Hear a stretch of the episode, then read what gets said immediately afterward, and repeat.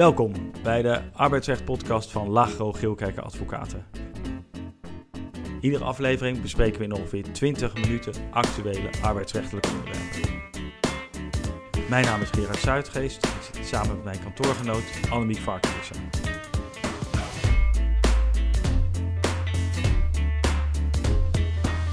Annemiek, waar gaan we het deze keer over hebben? Vandaag is onze eindejaarsspecial.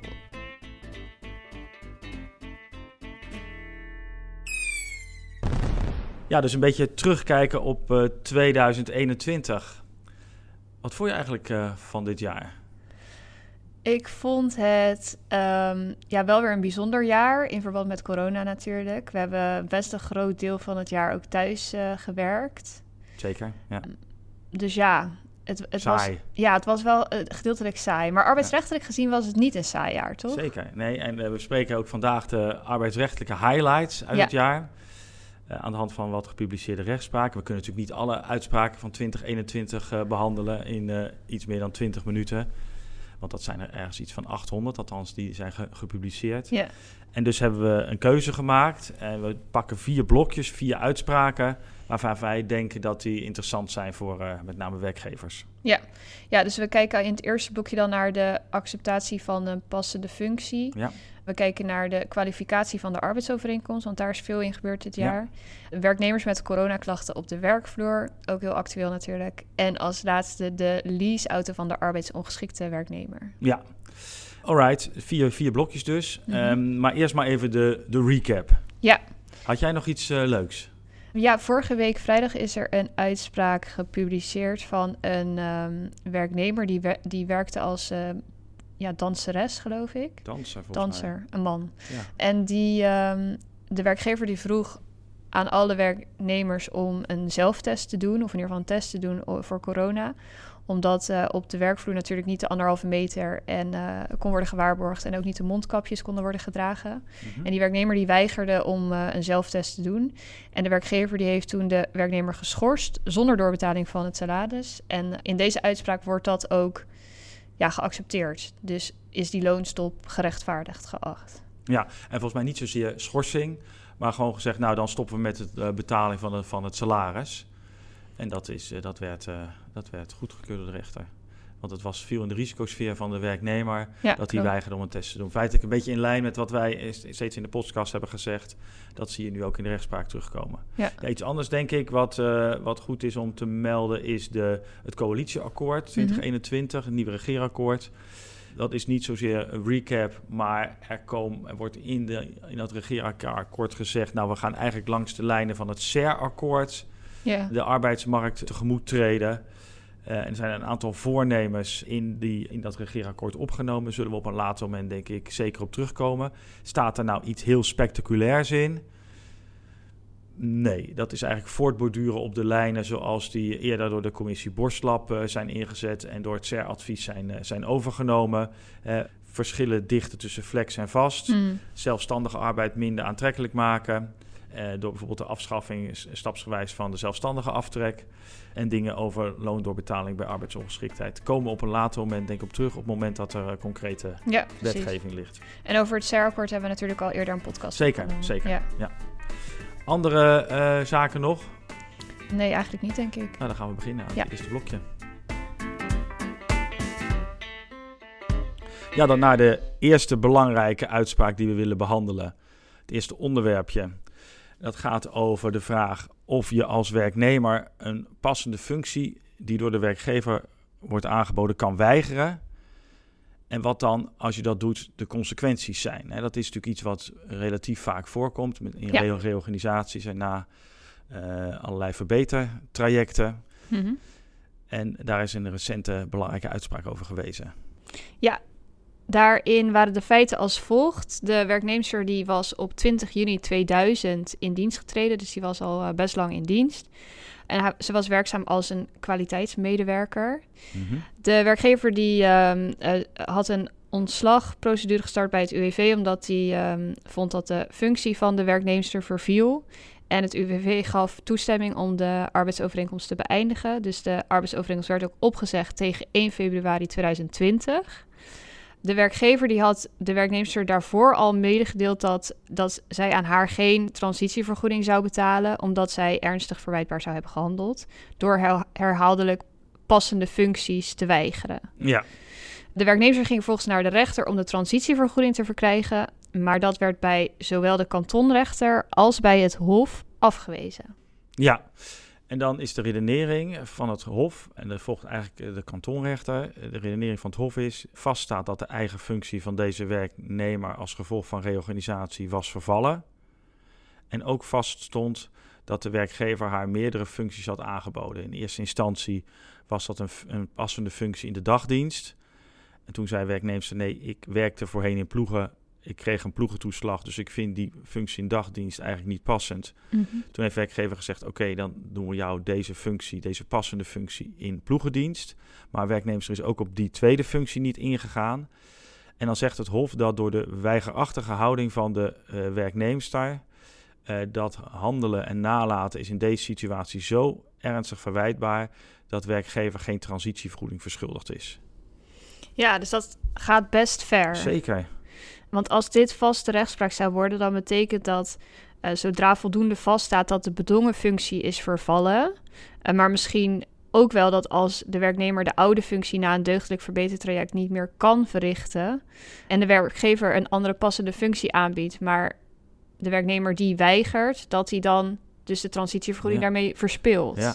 ja, misschien is het wel goed om op te merken dat als, dat, dat was tot nu toe zeker bestaand al. Hè, als een werknemer passende arbeid weigert, dan heeft die werknemer geen recht op een WW-uitkering. Mm. Weigeren was al nooit zonder risico's voor de werknemer. Maar dat weigeren ook ernstig verwijtbaar is, dat gaat natuurlijk nog wel een stap verder. Ja, ja en dus niet alleen de kantonrechter, maar ook het Hof bevestigt dit ja, dus. Zeker. En dat geeft werkgevers in onderhandelingstrajecten, en dat is ook waarom wij hem hier bespreken wel veel ruimte om met deze uitspraak te zwaaien. Hè? Werknemer, pas op, want jij moet eigenlijk deze passende functie mm. gaan aanvaarden. En als je dat niet doet, dan gaan we jou niet de transitievergoeding uh, betalen. Of we zijn maar bereid de helft van de transitievergoeding te betalen als je deze passende functie weigert.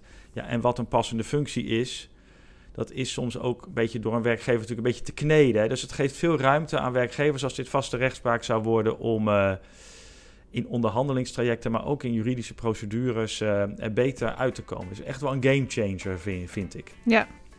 ja, dus we moeten maar zien of dit uh, inderdaad in meerdere uitspraken terugkomt. Ja, Vooralsnog is dit dan de, de enige. Ja, rechtbank en hof. Ja, precies. Nou, dan gaan we naar de tweede. Ja. Het tweede onderwerp is de kwalificatie en daarmee bedoelen we dus de vraag of de overeenkomst tussen partijen kan worden uh, beschouwd als een arbeidsovereenkomst of bijvoorbeeld een overeenkomst van opdracht. Ja, best wel technisch onderwerp, juridisch technisch onderwerp, denk ik. Eind vorig jaar baanbrekend arrest van de Hoge Raad dat nou, de arbeidsrechtelijke wereld een klein beetje heeft doen schudden. Ja, klopt. Want sinds 1997 ging uh, iedereen in het arbeidsrecht ervan uit, sinds het arrest uh, Groen Schroevers, dat bij de kwalificatie van de overeenkomst naar twee dingen moest worden gekeken. Het eerste was de bedoeling van partijen. Dus hebben partijen bedoeld om een arbeidsovereenkomst overeen te komen of een overeenkomst van opdracht? Ja. Tweede, de feitelijke uitvoering. Dus hoe hebben partijen uitvoering gegeven in de praktijk aan die overeenkomst. Dus hebben zij zich gedragen alsof er sprake was uh, of sprake is van een arbeidsovereenkomst of niet. Ja.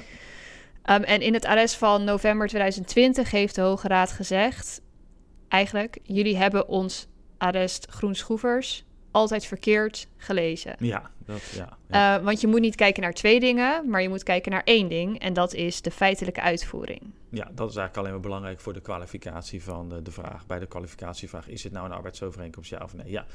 Wij kregen ook nog een beetje de schuld. We hadden ja, altijd verkeerd het begrepen. Het stond er wel, maar we hadden het beter moeten lezen. Ja. De bedoeling van partijen is dus volgens de Hoge Raad niet meer van belang bij, die, bij de beantwoording van die kwalificatievraag. En dat betekent dus ook dat zinnen die je in veel contracten tegenkomt. dit is geen arbeidsovereenkomst of dit is uitdrukkelijk een overeenkomst van opdracht. Mhm.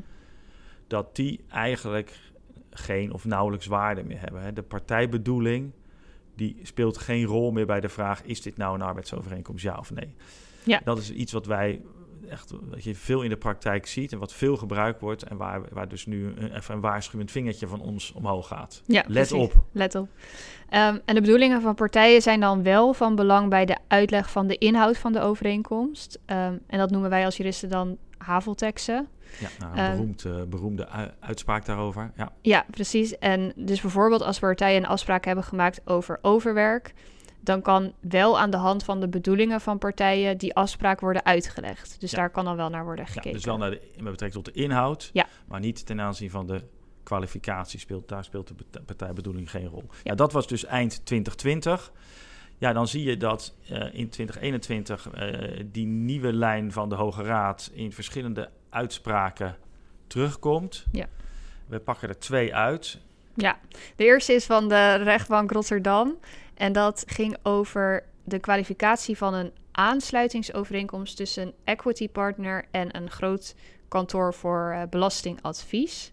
Ja, en als je equity partner bent van een groot accountskantoor, ja, dan neem je toch minimaal ieder jaar een hal- half miljoen mee naar Ja, huis. dan zit je wel eh, Zit aan, de bovenkant. Ja, precies. aan de bovenkant. Precies. Eh, die equity partner was eerst op basis van de arbeidsovereenkomst in dienst bij, de, eh, bij dat kantoor in de functie van director. Maar dus ja, per 1 juni 2014 is die arbeidsovereenkomst beëindigd en is een aansluitingsovereenkomst gesloten tussen partijen. Mhm. En het is dan aan de kantonrechter om te beoordelen, is die aansluitingsovereenkomst een arbeidsovereenkomst of niet? Ja, en waarom kwamen ze bij de kantonrechter? Die, die, die equity partner, die, die, daar ben je bij de overeenkomst opgezegd. En toen zei hij opeens, ja, ja, ik heb wel getekend en ik heb het wel afgesproken... en ik heb al deze jaren wel zes ton mee naar huis genomen... maar het is eigenlijk een arbeidsovereenkomst. Ja. Dus ik moet de bescherming krijgen die bij een werknemer past. Ja, precies. Nou, de kantonrechter die gaat dan kijken en die overweegt als eerst dat, nou ja, die zin die jij net ook al noemde, namelijk dat partijen niet hadden beoogd om een arbeidsrechtelijke relatie aan te gaan, dat die eigenlijk geen betekenis heeft. Hm. En dat komt dus eh, door het arrest van de Hoge Raad van eind 2020. En dan vervolgens gaat de kantonrechter dus kijken naar de feitelijke uitvoering ehm, van partijen, want dat is volgens de Hoge Raad dus van belang. Dus wordt gekeken naar de elementen arbeid, loon en gezag. En op basis van die elementen eh, komt de kantonrechter dan tot de conclusie dat van loon en gezag eh, geen sprake is. Dus dat er ook geen arbeidsovereenkomst is. Ja. ja, en dan is er ook aan de bovenkant van de arbeidsmarkt hè, een, ehm, een- bestuurder van een grote bank, de Volksbank, hoogste echelon in die, in die, eh, in die structuur. Ook daar wordt een overeenkomst van opdracht gesloten, krijgt ook een significante beloning. Eh, ook die overeenkomst wordt beëindigd en ook daar zegt dan eh, die, bes- die bestuurder... Oh, wacht eventjes, ik heb wel getekend dat ik geen werknemer ben, en dat, eh, maar met de nieuwe lijn van de Hoge Raad wil ik toch eigenlijk werknemer worden. En ik wil graag ook de arbeidsrechtelijke bescherming Ja. hebben. En, en, en meestal zit er ook in zo'n zaak een vordering van, van significante omvang. En ook hier zie je de rechter worstelen met ja, de situatie. En die wijst ook aan op de eh, maatschappelijke kringen waartoe partijen behoren. En eh, de rechtskennis die van partijen wordt eh, verwacht op, op dat level. En uiteindelijk bepaalt de kantonrechter dat ook hier geen sprake is van een arbeidsovereenkomst. Maar je voelt aan alle kanten Mhm. dat de rechter zijn best moet doen om, daar, te, komen. Ja, precies. Ja, dus het lijkt ook, ja, in deze uitspraak stond namelijk ook in, eh, in die overeenkomst dat er dus geen sprake was van een eh, arbeidsovereenkomst, maar daar verwijst de kantonrechter dan wel weer expliciet naar. Ja. Dus dat lijkt dan toch wel wat tegenstrijdig met, de, met het arrest van de Hoge Raad. Maar goed, de maatschappelijke positie van deze ja, niet-werknemers dus, die speelt natuurlijk wel een grote rol bij deze. Zeker. En je ziet recht een beetje Ja. doelredenering, denk ik. Ook soms misschien. Eigenlijk, het, het kan toch niet waar zijn, weet je Mhm. dat? Dat deze mensen die eh, zoveel geld verdienen, die, die bewust ervoor hebben gekozen om, om partner te Ja. worden, om bestuurder te worden, waar allerlei grote eh, financiële voordelen aan vast zaten, dat die dan op het moment dat het, dat het tegen zit, zich eh, op het werknemerschap gaan beroepen. Die, die, die arresten van de Hoge zijn toch een beetje bedoeld om eerder de onderkant van de arbeidsmarkt te beschermen. Maar ze worden natuurlijk ook aan de bovenkant gebruikt om. ehm, Er nog een slaatje uit te slaan. ja, ja, dus rechters worstelen hiermee. Ja. En eh, we zullen ook in de komende jaren wel zien eh, waar dat heen gaat. Maar voor nu is het denk ik voor werkgevers belangrijk. Joh, check nog even. Hebben wij ook van dat soort overeenkomsten waarin staat: ja, dit is geen, dit is geen arbeidsovereenkomst? ja, dan is het, het is vooral van belang dat je de feitelijke verhouding met je ZZP'er, met je opdrachtnemer, dat je die invult ook op een manier waarop je dat met een andere opdrachtnemer zou doen. En niet, Ja. niet als een werknemer behandelen. Mhm. Alright, genoeg voor dit eh, Ja. technische punt. Dan gaan we naar de derde.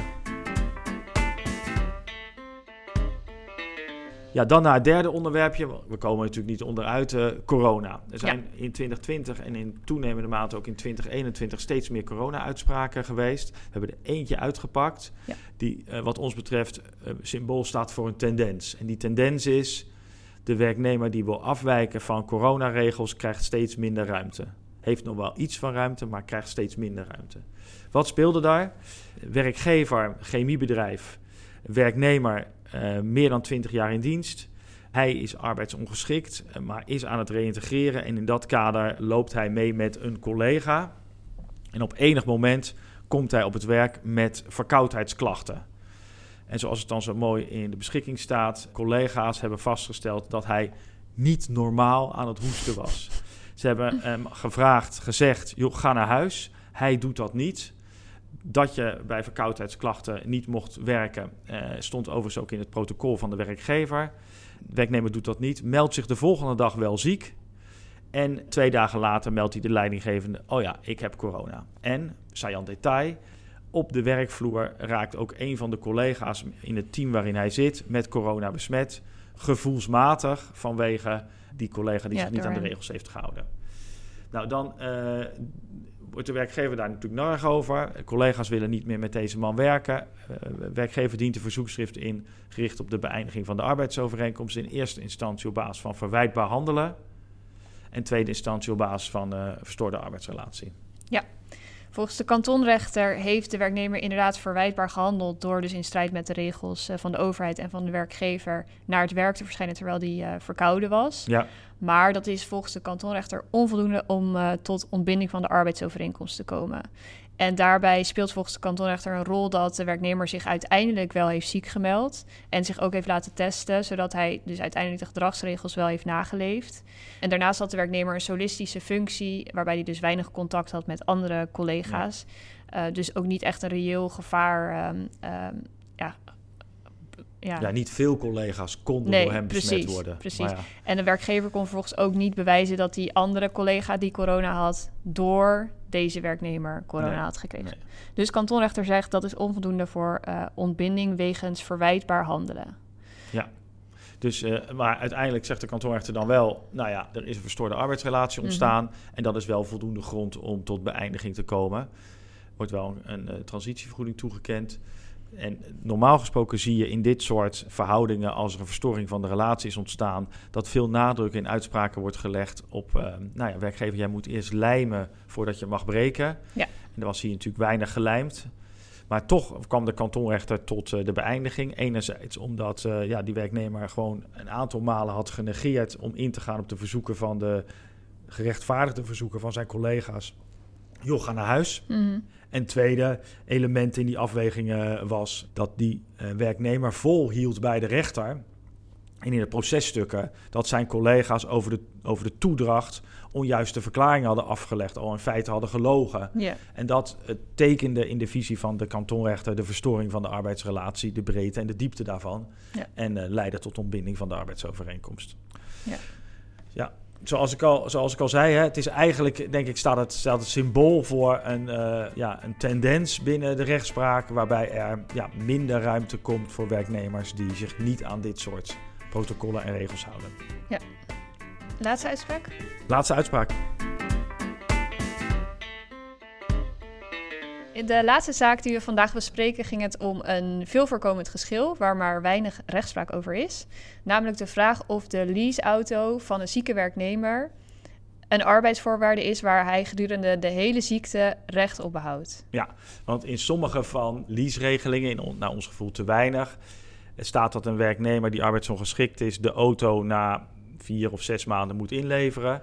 En soms is ook opgenomen dat als dat dan moet gebeuren, dat dan zonder compensatie is. En de vraag is of zo'n regeling houdt bij een rechter.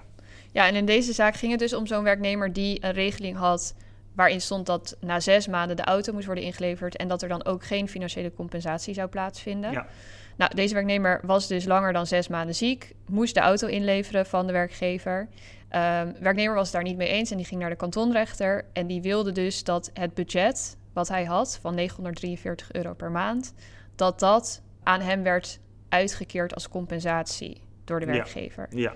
De kantonrechter die, uh, die wees die vordering af, waarop de werknemer in hoger beroep is gegaan. Ja, dus er komt uiteindelijk die zaak bij het gerechtshof. En het gerechtshof volgt het standpunt van de kantonrechter. En dat een eh, vrij technische uitleg is daarbij. En dan zegt de rechter, nou, het loonbegrip bij arbeidsongeschiktheid, dat ziet uitsluitend op de periodiek verschuldigde geldsommen en niet op andere vormen van loon. Zoals, zegt, de recht, zegt het gerechtshof, het privégebruik van een auto. Er zijn geen aanwijzingen in de wetsgeschiedenis te vinden dat het ziekteloon meer omvat dan het loon in geld. En dus zei het gerechtshof: mocht deze werkgever bedingen.